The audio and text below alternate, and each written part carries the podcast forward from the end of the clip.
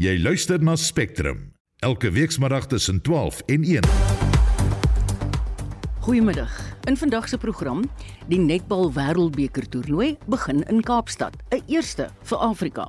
For us hosting an event of this magnitude is to relive the dream of President Nelson Mandela, who defined sport as a catalyst and a tool of building a nation.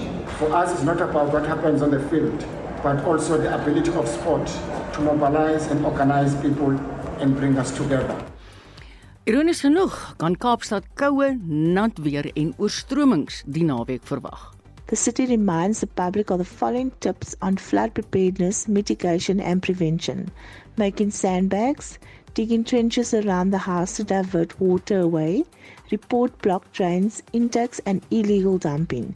Illegal dumping in stormwater canals and sewers make flooding worse. En belanghebbendes en die regering vergader vandag oor die motorbande wat steeds voortsmeel in Bissiesvlei in Noordwes. Welkom by Spectrum. Die span is redakteur Hendrik Martin, produksieregisseur Daitron Godfrey en ek is Marieta Kreer.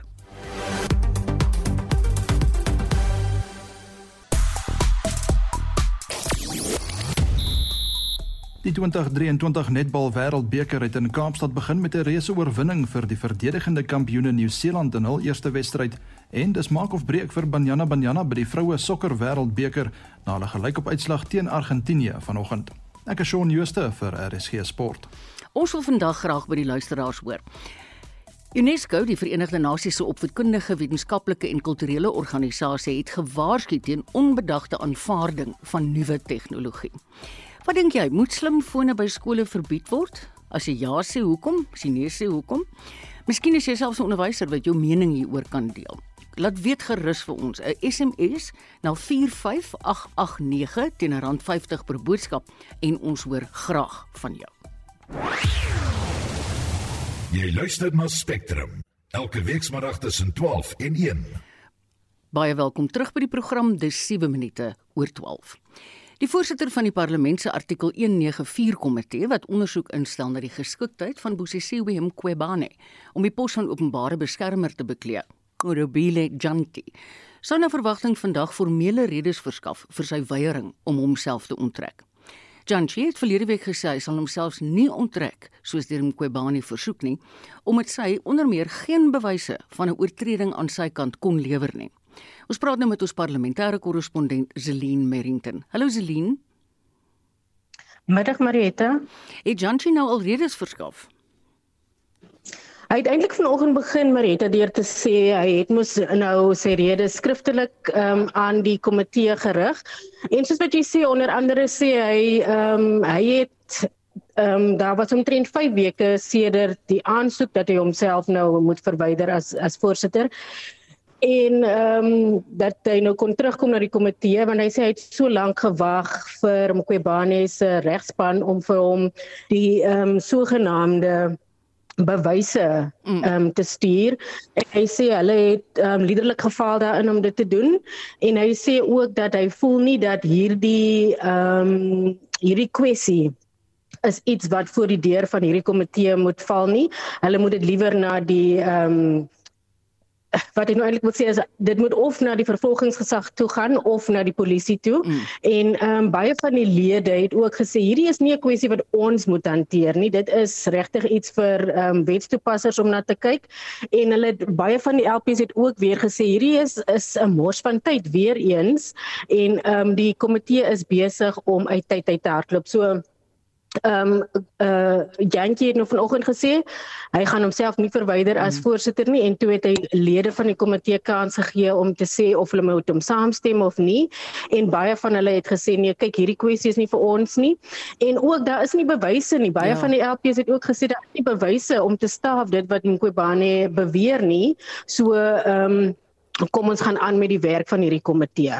As ek jou reg verstaan Zelin dan is dit miskien maar net 'n stol taktik Dit is wat baie van die LPs, jy weet, ek ek kan nou sê dit is nie wat ek sê nie, dit nee, is ook nie nee. wat jy sê nie. Dit mm -mm. is wat ja, dit is wat baie van die LPs hier vandag gesê het en dit is nie die eerste keer dat hierdie sentiment gelig word deur LPs nie. Ek meen dit is nou die tweede aansoek uh, byvoorbeeld dat Jantjie homself moet verwyder. Daar was al baie anders. Ja. as ons nou kan sê stollingstaktieke gewees van mm. Kobane en haar regspan. Ehm um, maar die tyd hardloop regtig uit want ehm um, die uh, Mqobane se termyn self ehm um, kom tot 'n einde in in die middel van Oktober, die 15 Oktober as ek nou ja. Ehm um, so jy weet dinge moet tot by 'n tot by 'n punt kom en die komitee het nog net soveel tyd ja. om ehm um, sy werk af te handel. Kry jy die indruk van wat jy hoor by die getuienis dat sy probeer rek tot by die middel van Oktober sodat sy haar aftreepakket kan kry? Dit is ehm um, dit is die indruk wat baie mense kry en ehm um, ek dink dit is ook al geopper in verskeie sirkels ook onder andere deur LPS hier. Ehm um, en uit die aard van die saak ja as as sy dit tot sover kan rek, dan kry sy al haar voordele en ehm um, ja, jy weet en, en dit is nou uit die aard van die saak wat die komitee soort van wil verhoed, maar die ja. komitee is ook baie soos Jantjie het vanoggend weer gesê Hulle het uit hulle pad uit gegaan as komitee om regverdig ehm um, te handel en hy ook as as as voorsitter het uit sy pad gegaan om altyd regverdig te wees en om altyd ehm um, vir hulle die voordeel te gee van die oordeel. So ehm um, ja, dit is wat jy sê, Miskien is dit 'n uh, 'n poging om tot by die 15de te kom en dan kan iemand niks meer doen ja. in terme van haar voordele nie. Celine, ek is seker ons gaan nog baie met jou oor hierdie saak nou in die nabye toekoms gesels, maar dankie vir vandag. Dit was ons parlementêre korrespondent Celine Merrington. Die staatsaanklaer in oud-president Jacob Zuma se korrupsiesaak, advokaat Billy Downer en die joernalis Karen Moon het 'n dringende aansoek in die Hooggeregshof in Pietermaritzburg gebring om te vra dat die hofuitspraak wat hulle private vervolging deur Zuma van die hand gewys het, nie opgeskort moet word nie. Die hof het ook in Junie gelas dat Zuma geen verdere stappe teen hulle mag neem nie. Downer en Moon het hulle weer na die hof gewend nadat Zuma se regspan 'n aansoek om verlof tot appel teen die hofuitspraak ingedien het. Ons praat nou hieroor met die strafregkenner en 'n bekende hier by ons program, advokaat François Botha. Goeiemôre François. Goeiemôre Marita, goeiemôre luisteraar. Uh luisteraars, ek François Botha. O, ek is jammer, het ek Botha gesê? jy het Botha gesê. Ag man, ek is simpel, hier staan op die papier Botha. Ek weet regtig, jy weet. Hoorie? Geen probleem. In Zuma se hofstukke voer hy aan, 'n siviele hof kan nie 'n besluit neem in wat eintlik 'n strafregtelike saak is nie. Maak dit in die konteks van die private vervolging teen Downer en Mon enigsins sin, François? Dit maak absoluut geen sin nie. Hierdie aansoek is 'n aansoek tegnies van aard, maar 'n baie praktiese resultaat. In terme van die gemeenereg word enige bevel wat 'n hof gegee het, opgeskort die uitwerking daarvan daarvan hangende 'n appel. Ja. In hierdie omstandighede het meneer Zuma aansoek gedoen om verlof om te appeleer en nou is daar die tegniese kwessie en dit is die kinkel in die kabel of daardie bevel opgeskort word met ander woorde dat daar uitvoering daaraan kan gegee word. Dit is waarmee ons hier te doen het. Nou, Fransa op hulle beurt voer Downer en Mon aan dat hulle onherstelbare skade ly indien hulle privaat vervolg word. Is dit 'n geldige argument in die lig van hoe die gebeure tot dusver ontwikkel het? En as 'n mens in ag neem wat die Hooggeregshof se uitspraak was? Dit is die basis van die aansoek wat hulle bring. Uit die aard van die saak en ek dink dit is logies om daardie afleiding te maak as die vervolging voortgaan hangende 'n appelhof se bevinding gaan die persone wat vervolg word in hierdie geval advokaat Billy Downer en Karen Warren gaan uit die aard van die saak onherstelbare mm. reputa reputasionele reputasieskade ly en natuurlik gevolgskade want dit is bitter belangrik Marietta binne die konteks van die groter demokratiese samelewing dat joernaliste en die gewone man op straat se reg en die vryheid op ja. uh, op spraak beskerm word. Ek dink wat jy nou daar gesê het is vir almal van ons wat joernaliste is baie baie belangrik. Kyk hy het die reg soos jy gesê het Zuma om appel te bring. Maar wat sou in 'n redelike situasie die kans op sukses wees? Die toets in hierdie geval is of die appel 'n redelike vooruitsig het op sukses. Ek is ek het geen twyfel in my gemoed mm. dat hierdie is weer eens 'n kat en muis speletjie. Ons ken dit nou al as Stalingrad taktiek en die vooruitsig op appel is myns insiens bitter bitter skraal indien nie nul nie. Ek dink is dit reg om te kan sê dis net nog 'n vertraging van die regsproses in sy korrupsiesaak en amper 'n persoonlike vendetta wat hy dryf teen Downer as staatsanklaer in sy verhoor en teen Mon wat as joernalis die waarheid oopvlek.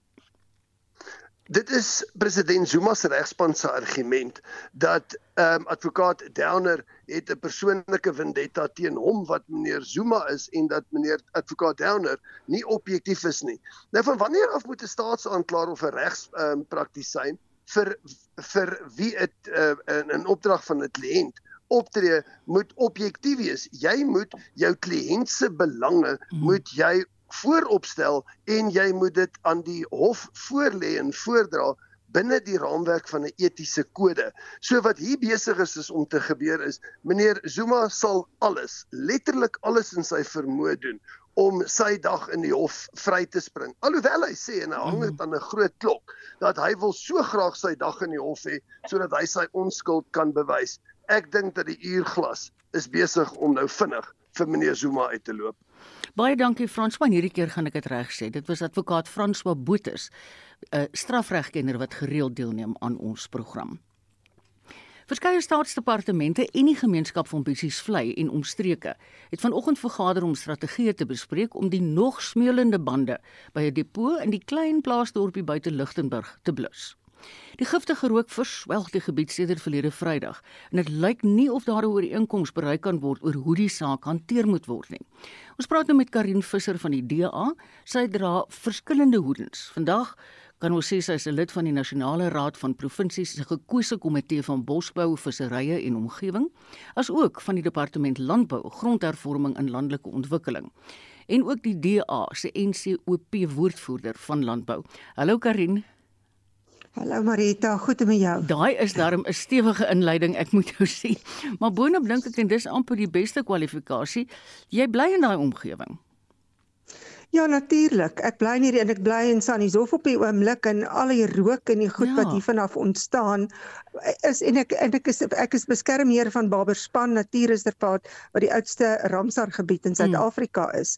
Uh en hulle is direk daarby by die ontvangs van die van van die ehm um, die af sal ek sê die afsaksels van ja. die rook. Ja. Die roet en die goed in is wat baie gifstowwe in dit wat nou met die, met die eerste reën by binne in hulle in die vlei land gaan inloop. Karin, wat het uit hierdie vergadering gekom? Dit was eintlik ehm um, ek moet sê ek is baie teleurgesteld want die die die departement wat in Mafeking sit het nog nie by een van hierdie vergaderings opgedaag op oor omgewingsake nie. Ehm um, hulle het toe ons hulle in kennis gestel het, het hulle vir ons gesê hulle is administratiewe beamptes, hulle kan niks verder vir ons doen nie en boere met hulle eie vure blus. En dit was nie 'n vuur van 'n boer hierdie nie. Nee. Dit was 'n vuur wat ontstaan het uit die Hartsrivier langs die N N12 en dit het binne 'n kwessie van 7 minute met 'n sterk wind was dit in die bande. Ons die bande het, ja. die bande was nooit as jy gaan kyk na die regulasies wat dit vir jou sê oor 'n stockpile ek is jammer ek weet nie wat se nee, nee. Afrikaans nee. daarvoor nie mm. maar die stockpile uh waardes en wat wat dit moet hoe moet dit gepak word hoe moet dit bestuur word as jy sien dat daar 'n windpomp het in die middel van hierdie bande toegepak gestaan met sy boorgat by dit wat nou alles het ingeloop in seker in daai boor boorgat met al die klomp water wat die wat die brandweer gespuit probeer spuit het. Okay, so as jy gaan kyk na dit en jy kyk dat hierdie erf is gekoop en hy loop tot oor die oor die Hartsrivier en sy in die bande was gepak tot plus minus 40 meter van die sloep van die rivier af, maar binne in die jaarlikse seisonale vloedlyn van die van die Hartsrivier wat hierdie jaar het daai bande al diep in die water gelê. Maar hoekom sal 'n mens motorbande op so 'n manier berg? Dit is wat ons dit is die vraag wat ons wil vra. Ek wou van die begin af geweet het wie is die verantwoordbare persoon van hierdie van hierdie erf uh, of plot soos hulle dit noem om in Bissies Vlei. Daai plot is 'n plus minus 60 hektaar. Ehm um, behoort aan 'n dame wat nog wat vermoede die eerste keer uh, uh, mevrou Nandi Maseng wat vermoede die eerste keer na die vergadering toe gekom het. Okay, die hele tyd is gesê uh die waste bureau mm. wil sal die sal die verantwoordbaarheid vat. Dit is staan bekend as die Lichtenburg Tire Depot, maar die waste bureau huur dit en hy's gepak as jy die foto sien sal jy sien mm. geen geen ehm um, fire breaks ehm um, ja ja vuurbane mm. vuurbane of wat ook al is tussenin gemaak volgens die voorskrif nie. Hy's gepak dat die draad heininge aan die buitekant eintlik uitge uitgepof het na die na die buurman se buurman se kant toe.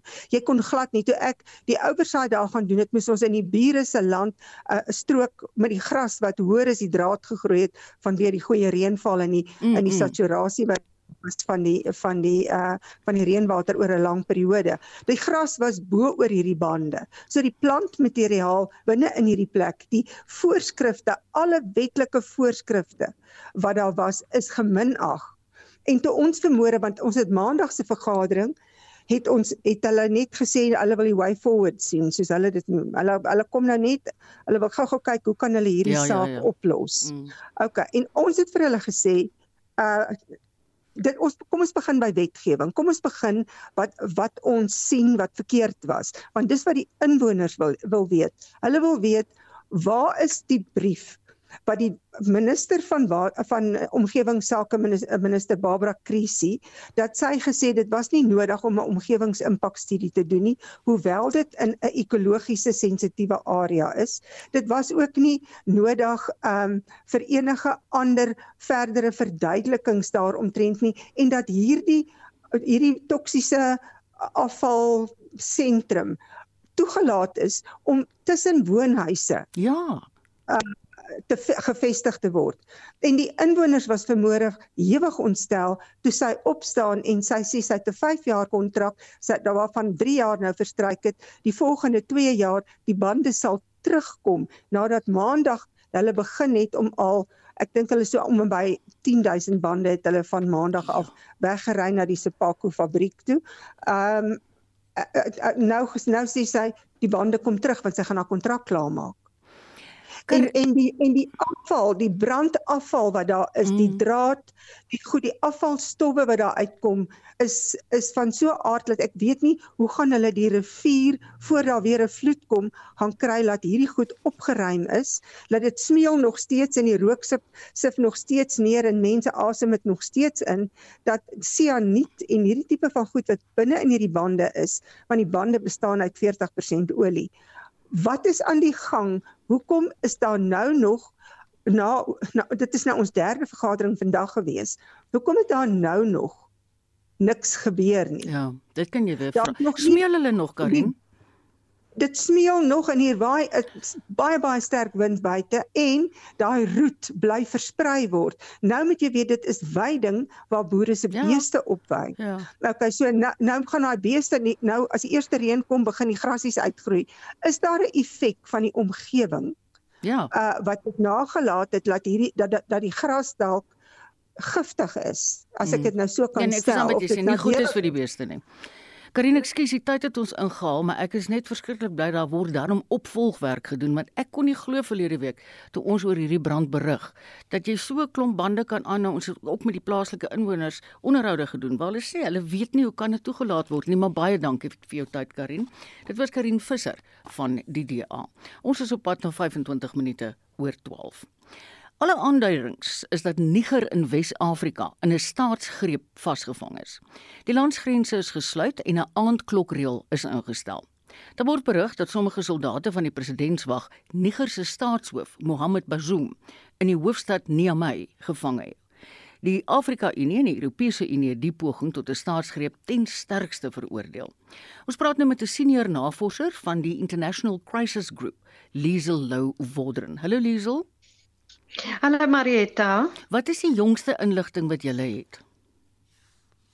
Ja, soos jy nou sopas gesê het, al die tekens is daar dat dit wel 'n staatsgreep is. Ek meen hierdie ehm um, presidentsiële wag uh het ehm um, president Bazoum uh gijslaar gehou, hom nog steeds gijslaar in die presidentsiële paleis ehm um, die res van die weermag, die leier van die weermag het nou uh, die staatsgreep ondersteun En uh en so al die tekens is daar. Waarvoor ons nou nog wag is om te hoor wat sê president Bazoum want gewoonlik 'n 'n dag of 'n paar uur na so 'n staatsgreep word hy gedwing om aan te kondig dat hy nou bedank want mm, hulle mm. jy weet is sit is, is nou druk op hom. So hy is blykbaar nog daar wel, jy weet alle tekens is sy familie en hulle is veilig maar hulle is gevange gehou Hy is op die telefoon met hier en daar mens. Die ander ding is ehm um, die die uh, leiers van die staatsgreep is nog nie presies duidelik nie. Daar's so 'n tiental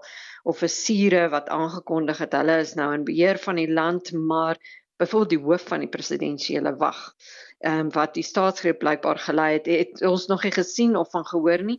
So daar's een of twee goed wat nog uitstaande is en ek dink in hierdie geval wat dit anders maak as die staatsgrepe wat ons nou gesien het in die laaste 2 jaar Mali, Burkina Faso, Guinea Sudan is ook van die uh, is weens 'n staatsgreep uit die AU geskop. So die ding wat hierdie anders maak is dat Niger is 'n baie baie belangrike uh um land vir die weste veral vir Europa vir Amerika daar's daar's Franse basisse daar's daar's Amerikaanse basisse in Niger dit was amper die heel laaste kan ek sê bastion van demokrasie in die eh, in Wes-Afrika ja. in daai deel daai Sahel ja. deel jy weet om so, aan te sluit by so, jou ek moet net vra probeer dit was 'n yes. reuse mm. verrassing vir Afrika en die weste nê Ehm um, ja, uh dit was 'n verrassing dat dat dit op die manier waarop dit ja. gebeur, maar ek moet sê al die tekens was daar want Niger het is presies dieselfde soort van situasie as sy buurlande. Baie arm land, klimaatsverandering. Ek was nou wel, ek die laaste keer in 2019, dit voel onlangs, maar jy weet, mm -hmm. self my eie oë gesien die woestyn, dan is groot armoede. Ehm um, Maar die groot faktor is mense is absoluut desperaat. Daar's Boko Haram aan die een kant, aan die oos-suidooste. Dan is daar al hierdie Al-Qaeda groepe. Daar's ongelooflike um terreur, jy weet, en en, en mense voel onveilig. So ja. hulle voel dat hulle regering hulle nie beskerm nie. En daarom as hierdie ouens mag gryp, dan is dit soort van okay, dit is amper ons laaste kans, jy weet. Ja. Ons dink jy die internasionale mm. gemeenskap gaan sterk reageer want ons sien nou die Afrika Unie en die Europese Unie het dit reeds veroordeel. Absoluut. Die Afrika Unie was eerste ECOWAS, jy weet die Wes-Afrika ja. um, groep, um, Frankryk, um, Amerika, Guterres, jy weet die VN. Maar wat belangriker gaan wees is as hulle agter die skerms druk kan uitoefen op een of ander manier te maak dat hierdie staatsgreep nie uh voltrek word nie en dat Goed. die president Bazoum jy weet weer ingestel. Die kanse is min, maar ek dink daar's baie pogings in hierdie stadium agter die skerm. Ja, want dit sou seker die eerste prys wees, né? Nee. Absoluut. Liesel baie dankie. Ons het gepraat met 'n senior navorser van die International Crisis Group, Liesel Lou Vorderen. Spectrum, jou middagnuusprogram op RSG. 12:29 Motoriste kan hulle staal vir 'n brandstofprysverhoging in Augustus. En groot opwinding heers in Kaapstad waar die netbal wêreldbeker toernooi vandag begin. Ons nooi jou bly gerus ingeskakel.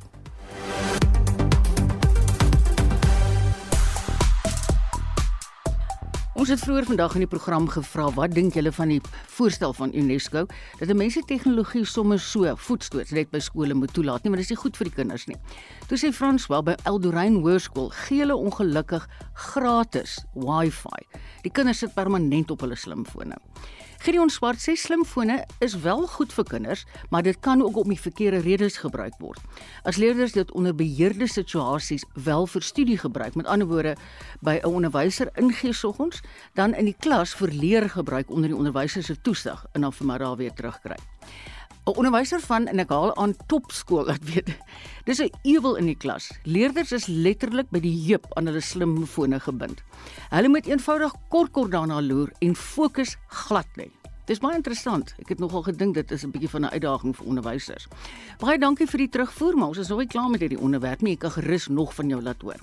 45889 teen R50 per boodskap. Ons wil baie graag hoor wat julle sê.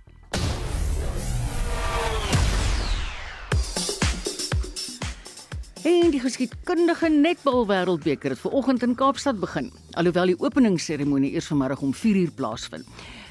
Goeiemôre Shaun, ek wil by jou weet wanneer is die Proteas in aksie? Middag Marietta, Janne, die Wêreldbeker vind natuurlik vir die eerste keer hier in Afrika plaas en word by die in Kaapstad Internasionale Konfer Konferensiesentrum gespeel. Die openingsseremonie is middag 4:00 nou die Protea stap vanaand 6:00 teen Wallis op die uh, veld op die baan uit eerder.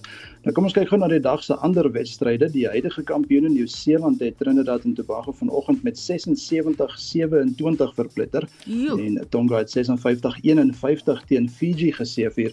Nou daar is nou twee wedstryde aan die gang. Australië speel teen Nieu-Seeland. Hulle is in die uh, laaste kwart van die wedstryd.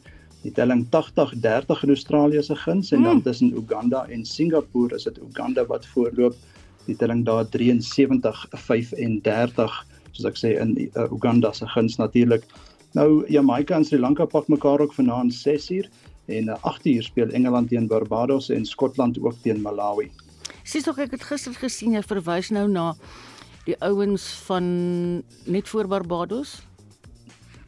Jamaica. Um, ek het gesien van Jamaica, van, van ja. Jamaica is besteel. Dis so sleg, jy weet.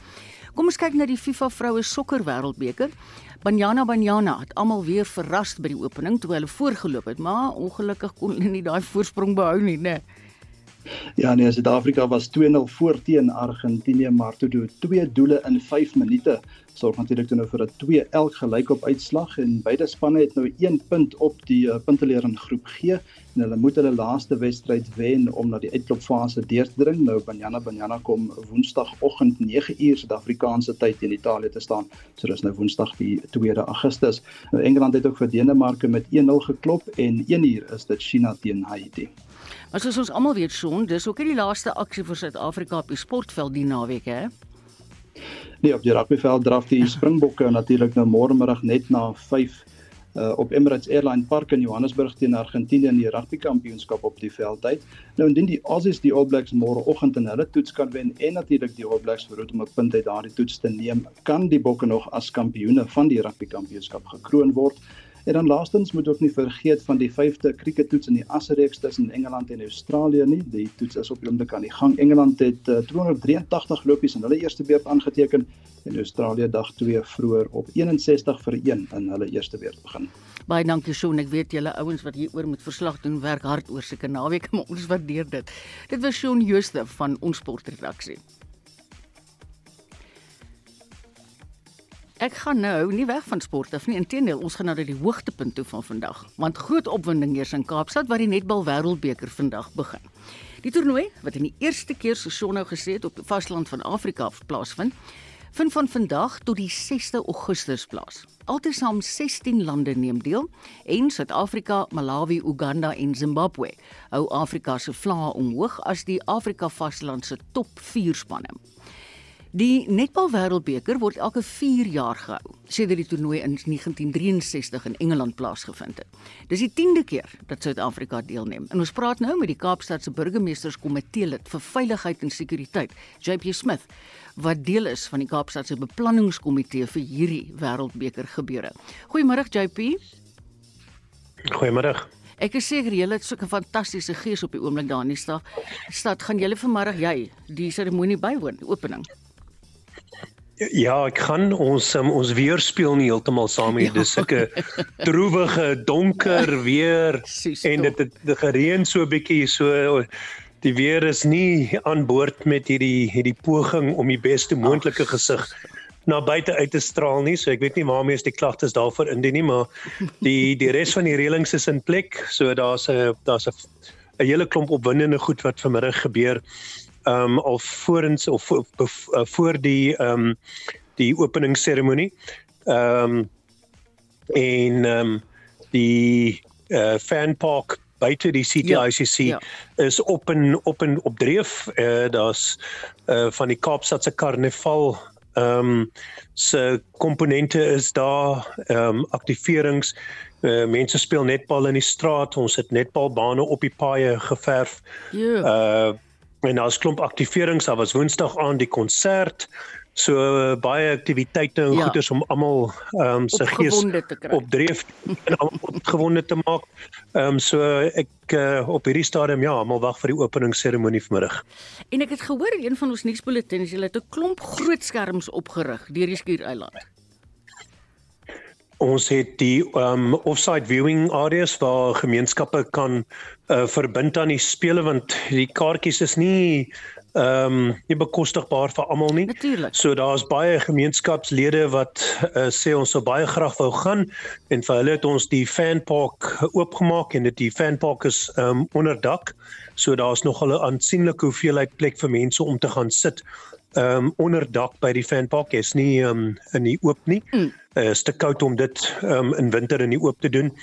Uh so fan parks net in die somer moontlik dan gewees het en dan het ons die gemeenskapsale um oor die stad uh ja, wat julle gebruik. Daar's nog 'n hele klomp van hulle korrek waar mense dan kan gaan en die die die netbalspele uh besigtig. Kan kyk. JP ek is seker daar gaan so baie toeriste en besoekers en ondersteuners wees. Dit moet 'n geweldige inspuiting vir Kaapstad wees. So die beraming is so om en by 70 miljoen rand net onder die 70 miljoen.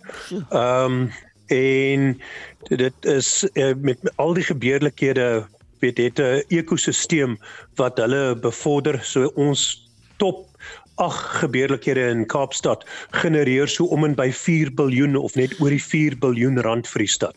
So hierdie is die die groot ag gebeurlikhede, maar dan is daar 'n klomp uh kleiner gebeurlikhede. Ons het verlede jaar so 1700 gebeurlikheidspermitte yeah um, of events permitte goedgekeur. So mm. Kaapstad is regtig the city of of many events. Um, en dit is hoekom ons uh um twee uit die laaste 3 jaar die wêreld se events and festival destination was. Um, waarop ons baie trots is. Ons het hard gewerk om ons ja. tot op baie punte te kry en ons het hierdie jaar is het ons ongelooflik baie ehm um, uh sportgeleenthede en kampioenskapgeleenthede gehad veral in vroue sport. Twee uh, vroue golfkampioenskappe, uh die T20 uh, vroue cricketkampioenskappe, 'n uh, ijshokkie vroue kampioenskap. Wow. Um jy het nie eers geweet ons speel ijshokkie nee, nie, ons speel. en as jy dit nog nie ja. die lewende gesien het nie, dan dan mis jy regtig uit. In die netbal wêreldbeker nou ja. is die Cherry Peak na die uh, Formule E natuurlik ook vroeër jaar. Ja, dis reg. Ek wil net seker maak jy het net gesê van die ongelukkigheid wat die weer betref, maar ek's reg as ek sê al julle netbalbane is binne internasionale konferensiesentrum. Korrek, die netbalbane is binne, dis alles by CTICC yes. 1 en 2 en dan die uh fan park, die hoof fan park is direk voor dit um, ja. oor kan die pad. Uh en uh, dit is dan ook onder dak. Ons het 'n groot ja. uh, markie tent opgerig om dit te bedek. Baie dankie JP. Ek geniet hierdie groot wêreldbeker terwyl dit aan die gang is. Dit was die Kaapstad se burgemeesterskomitee lid vir veiligheid en sekuriteit JP Smith wat deel is van die Kaapstad se beplanningskomitee vir die wêreldbeker gebeure. Jy kan hoor die trots in die ou se stem. George aan die tuinroete in die Weskaap deel ook in die Wêreldbeker vreugde. Vir die duur van die Wêreldbeker is 'n groot skerm opgerig in 'n ondersteunerspark waar 2000 mense toegelaat kan word. Jy luister na Spectrum. Elke week saterdag tussen 12 en 1. Welkom terug is 20 voor 1. Gratis graan aan 6 lande in Afrika. Dit was die belofte van Rusland se president Vladimir Putin gister by die Tweede Afrika-Rusland beraad in Sint Petersburg in Rusland. Putin sê Rusland sal binne 3 tot 4 maande 25 tot 50 000 ton gratis graan aan Zimbabwe, Burkina Faso, Mali, Somalië, Eritrea en die Sentraal-Afrikaanse Republiek lewer en aflewer. Die Afrika-Rusland beraad wat deur 15 Afrika staatshoofde bygewoon word, loop vandag ten einde. Ons praat nou hier oor met Solidariteit se hoof van internasionale betrekkinge, Jaco Kleinhans. Hallo Jaco. Goeiemiddag Marita. En watter lig moet 'n mens hierdie belofte van Putin sien? Skaars 2 weke nadat Rusland geweier het om die Swartsee graan inisiatief te hernie. Ja, Marita, ek dink dit is absoluut 'n uh, politieke agenda uh van Putin wat natuurlik hier besig is om uit te speel. Ehm um, dit is baie duidelik dat die lande vir wie Putin in Rusland uh, geld is grond ons ken, natuurlik lande is waar Rusland die afgelope tyd uh sy uh, politieke en militêre invloed wesentlik uitgebrei het. Ons sien dat baie van hierdie lande redelik onstabiel is, lande soos Mali en Burkina Faso, uh hulle buurland ook Niger wat nou ondanks natuurlik vir hierdie staatsgreep is, uh is almal lande waar die Russiese weermag en groepe soos die Wagner groep baie betrokke is. So ja, Rusland probeer sy invloed in sekere streke van Afrika uitbrei en hy gebruik dit dat dit uh, dan iets soos die graankrisis, die feit dat hierdie lande baie afhanklik is van graan uit Oekraïne en Rusland uh, tot sy eie voordeel. Uh die feit dat die graan een twee weke gelede het ter einde geloop het en kom met Rusland dit nie nie nie speel dit in 'n sekere manier in Rusland se hande mm. met hierdie konferensie en dit is wat wat Putin dit hier aangekondig het. Maar Jaco, hierdie graan is in die verlede deur die Wêreldvoedselprogram versprei. Gaan Rusland dit nou self versprei? Rusland gaan dit self versprei, Marita, want wat natuurlik hier belangrik is, is dat aan um, hierdie lande uh wat jy nou genoem het wat graan gaan kry is is meestal lande wat die afgelope tyd uh die redelike onstabiliteit is en waar mm. uh organisasies soos die voedselprogram van die VN onttrek het uh waar westerse instellings in elk geval byna heeltemal onttrek het weens die die onveilige ja. situasie na militêre staatsgrepe so ja ek dink Rusland probeer duidelik invloed kry die rede daarvoor natuurlik dis lande met 'n belangrike militêre hulle uh belangrike hulpbronne natuurlike hulpbronne waar Rusland graag sy hande wil hê Watter ander belangrike kwessies het hulle tydens hierdie beraad bespreek, Jaco? Ja, ek dink Marita wat belangrik is om wel te sê is natuurlik dat met tydens die vorige beraad in 2019 het 43 Afrika leiers uh die beraad bygewoon. So dit is skerp afname. Jy weet daar's daar's baie Afrika leiers wat eenvoudig besluit het om nie van jaar hierdie Russiese Afrika beraad uh by te woon nie en daarin lê groot betekenis opgesluit. Ek dink ons moet moet sê dat dit baie duidelik is dat 'n meerderheid van Afrika leiers besluit het om om eerder veilig te speel en hierdie beraad by te woon nie. Maar dit is al by die beraad natuurlik natuurlik gepraat oor uh, uh, handel tussen Rusland en en Afrika lande. Uh die die hele kwessie van wat Rusland natuurlik beteken in sommige van die Afrika lande as 'n uh, westers gedomeineerde uh, uh, internasionale finansiële stelsel, die dollar as geldeenheid. Uh, hierdie soort van kwessies wat wat wat wat Rusland veral sedert die uitbreek van uh, die oorlog vir hierdie jaar baie sterk dryf. En ek dink dit is hoekom ons sien dat uh, verskeie Afrika leiers uh, veral ook uit suidelike Afrika, onder andere die president van uh, Zambië besluit het om eerder nie hierdie beraad by te woon. Ja. Jy weet 'n ding wat my nogal, ek weet nie, dit dit, dit slaan my dronk. Die minister van internasionale betrekkinge, Naledi Pandor, nou my in gedagte hou, AGOA is hier soter sprake. Het toe in 'n onderhoud met die Russiese televisie gesê, Rusland en Suid-Afrika se vriendskap hoef nie noodwendig te eindig net omdat Rusland skielik deur die res van die wêreld as 'n vyand beskou word nie. Wat moet ons daarvan maak? Soos ek sê, veral met die oog op AGOA. Ja, en Marita, ek dink dit is juist die probleem met Suid-Afrika se se sien rondom verhoudinge ehm um, in in in uh, verhoudinge met die beste eerder Rusland. Is dat dit nie die een of die ander te wees nie. Dit is die probleem hierso. Dit gaan nie oor kies jy die weste of kies jy Rusland nie. Veral omdat ons land is wat ver verwyder is van die konflik in Oekraïne, kan ons dieselfde soort strategie volg as lande soos Indië, lande soos Brasilië, waar hulle wel 'n baie sterk verhouding met die weste uh, vertrouensverhouding in stand hou terwyl daar steeds bande met Rusland is. Maar hier moet jy wel onthou en baie klein plaas daarop dat Suid-Afrika se handelsbande met Rusland uiters beperk is. Jy weet ons voer meer produkte uit na Lesotho as na Rusland. So ons handelsbetrekkinge met met Rusland is werklik waar gerin ja. en en daarom dink ek plaas Suid-Afrika se regering te veel kenny op. Baie dankie Jaco. Dit was Jaco Kleinhans van Solidariteit se afdeling vir internasionale betrekkinge. Spectrum, jou middagnuusprogram op RSG. Ja, nie wat se middag nie, dis Vrydagmiddag en hier lê 'n vreeslike lekker sportnaweek voor. Johannesburg het vanjaar vir die eerste keer in 12 jaar sneeu op sekere plekke gekry. Die weerkundige en buitengewone professor aan die Malaria Instituut by die Universiteit van Pretoria, Hannes Rautenbach, sê Suid-Afrika beleef nogal ongewone weerpatrone hierdie winter. Ek dink definitief dit was 'n koue winter of dit nou die koudste winter is wat ons nog beleef het, sal ons maar nog sien. Die Suid-Afrikaanse weerdiens gee hier teen die einde van die jaar 'n neiging 'n verslag uit en ons sal dit dan kan sien, maar as ons net kyk na die winter wat ons op die oomblik gehad het Ons het 'n redelike sterk koue fronte gehad wat deurbeweeg het.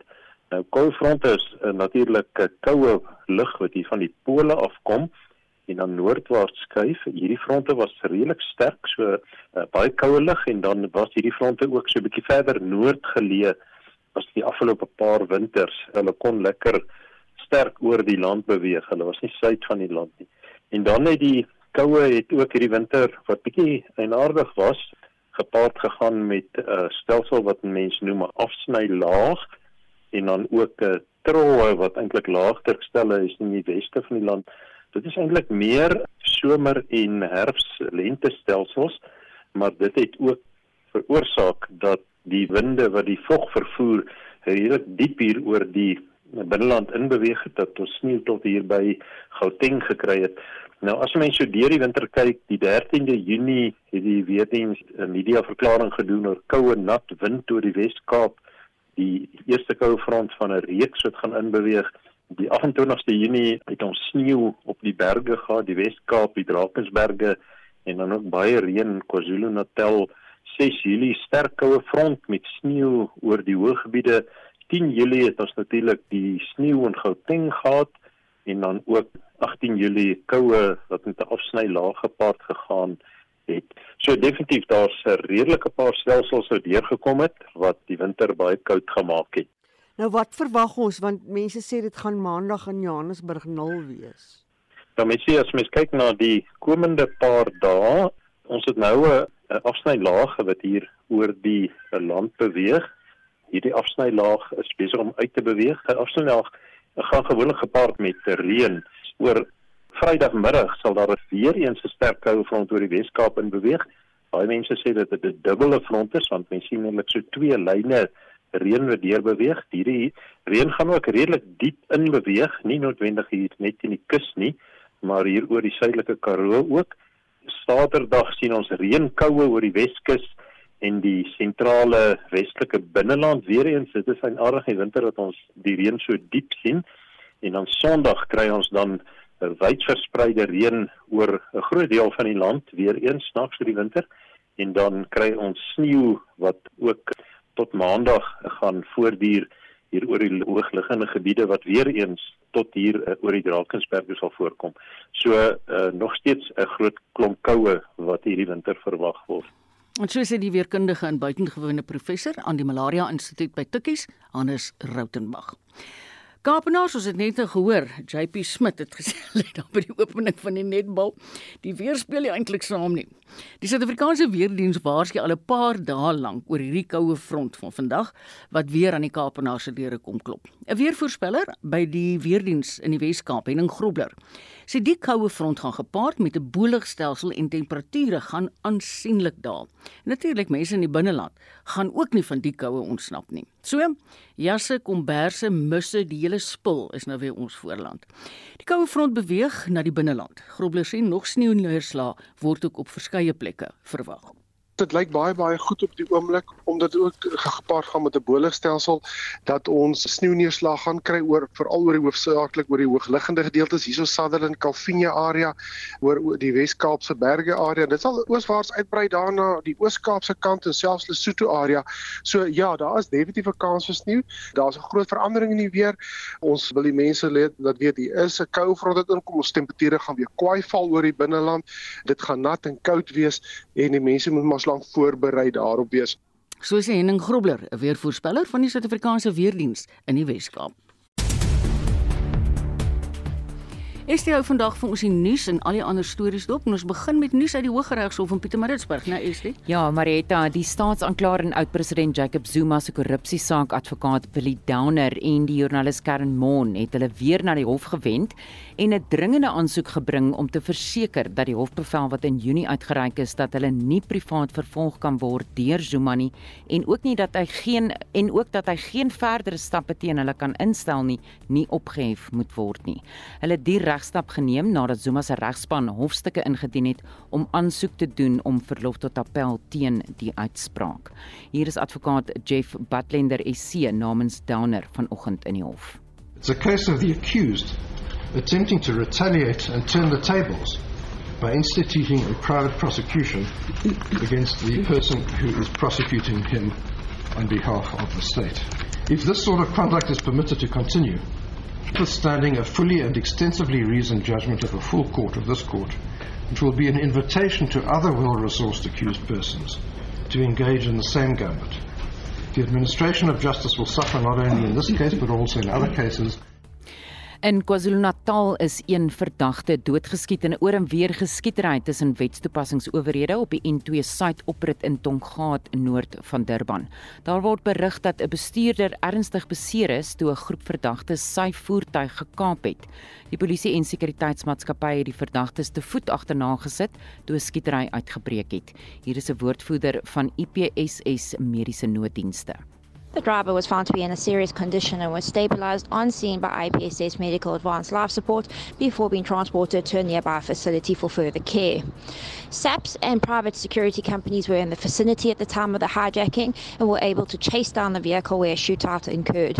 One suspect has been fatally wounded and the remainder have escaped. The N2 off ramp of Tongat is currently an active crime scene. En aan die politieke front vier die EFF môre sy 10de bestaanjaar. In 'n poging om die party se buitelandse beleid te versterk, hou partyleiers vandag samesprekings in Pretoria met verskeie diplomate. En so sê die EFF se sekretaris-generaal, Marshall Dlamini. We are an organization that not only exists within the borders of South Africa, but uh, we exist in the continent and the diaspora. So it's important to meet all uh, ambassadors of different countries to have a conversation with them. Skakel in vir naweek aktueel môre tussen 12 en 1 en hulle gaan breedvoerig berig oor die EFF se 10de bestaanjaar vieringe met regstreekse oorskakelings na Marikana in Noordwes waar dit plaasvind en ontleding van hoe die party homself die afgelope 10 jaar in die Suid-Afrikaanse politiek ingewortel het. Dit was Estie de Klerk wat vir ons die dag se nuus opgesom het. Dankie Estie. En daarmee het ons aan die einde gekom van hierdie Vrydag uitsending van Spectrum. Ons hoop jy het lekker saam met ons gekuier hierdie week en dat jy 'n baie gawe en verkieslik warm naweek gaan hê. Ek groet namens Spectrum se uitvoerende regisseur Nicoline de Wee. Vandag se redakteur was Hendrik Martin en ons produksieregisseur was Daitrin Godfrey. Ek groet namens hulle almal. Ons hoop dit gaan goed en bly ingeskakel vir 360 wat net hierna uit die Kaap uitvolg in Martelies. Ek groet net tot 3:00 vmiddag in Spitstyd. Totsiens.